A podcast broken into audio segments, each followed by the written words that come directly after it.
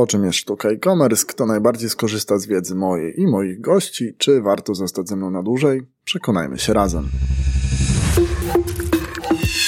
Cześć, z tej strony Marek Kicha, to jest podcast Sztuka e-commerce. Dziękuję, że do mnie dołączyłeś, a skoro to zrobiłeś, to znaczy, że interesuje Cię rozwój sprzedaży elektronicznej. Być może stawiasz swoje pierwsze kroki i nie wiesz od czego zacząć sprzedaż w internecie.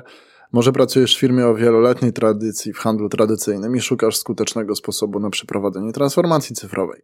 Możliwe też, że wdrożenie masz za sobą, a teraz kombinujesz, co by tu jeszcze poprawić, żeby skalować swój biznes. Jeżeli interesujesz się tymi lub podobnymi zagadnieniami, to bardzo dobrze trafiłeś, a ja teraz w kilka minut przekonam Cię, żebyś został ze mną na dłużej. Mimo tego, że e-commerce rozwija się w Polsce już od kilkudziesięciu lat, pewnie zgodzisz się ze mną, że cały czas mamy pewne deficyty wiedzy na rynku. Z jednej strony panuje spore rozproszenie i trzeba przekopać wiele źródeł, żeby dotrzeć do informacji, która Cię interesuje. Z drugiej trudno nie odnieść wrażenia, że sporo tej wiedzy to autoreklama ubrana w powierzchowną merytorykę.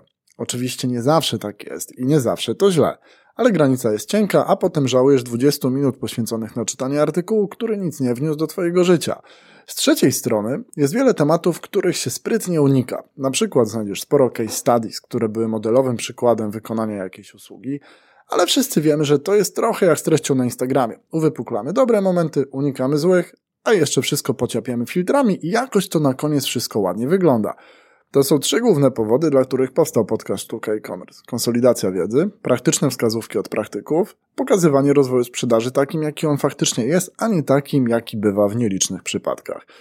Uczestniczę w tym e-commerce'owym kołowrotku już od ponad 10 lat. E, kiedy zaczynałem swoją przygodę, popularny był OS Commerce, którego mało kto już dzisiaj pamięta.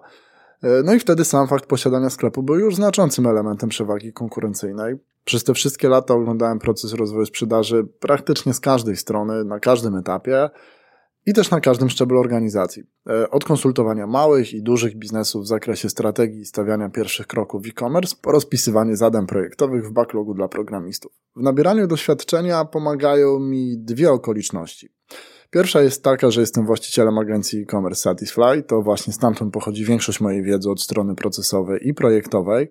A druga okoliczność jest taka, że spędziłem równie dużo po stronie biznesu, mając jednocześnie korzenie techniczne, więc dość szybko łączę w głowie różne kropki, co zdecydowanie pomaga w zrozumieniu problemów przedsiębiorstw, no i też w poszukiwaniu rozwiązań, które te potrzeby zaspokajają. No ale oczywiście nie jestem ekspertem we wszystkim, a już sobie powiedzieliśmy, że powierzchownej wiedzy mamy aż nadto. Nie będę się na siłę wymądrzał, że na przykład znam się na pozycjonowaniu, bo to będzie wiedza bardziej akademicka albo zbyt ogólna, żeby cię nie zanudzić. Więc tam, gdzie sam sobie nie poradzę, możesz liczyć, że zaproszę do rozmowy odpowiedniego gościa z doświadczeniem praktycznym. Czasami będą to eksperci z firm usługowych, innym razem przedstawiciele po stronie biznesu, którzy opowiedzą o swojej codzienności. Myślę, że znajdzie się też miejsce dla właścicieli dużych biznesów, którzy opowiedzą o różnych aspektach prowadzenia działalności i dochodzenia do wyników, które dzisiaj osiągały i którymi mogą się chwalić.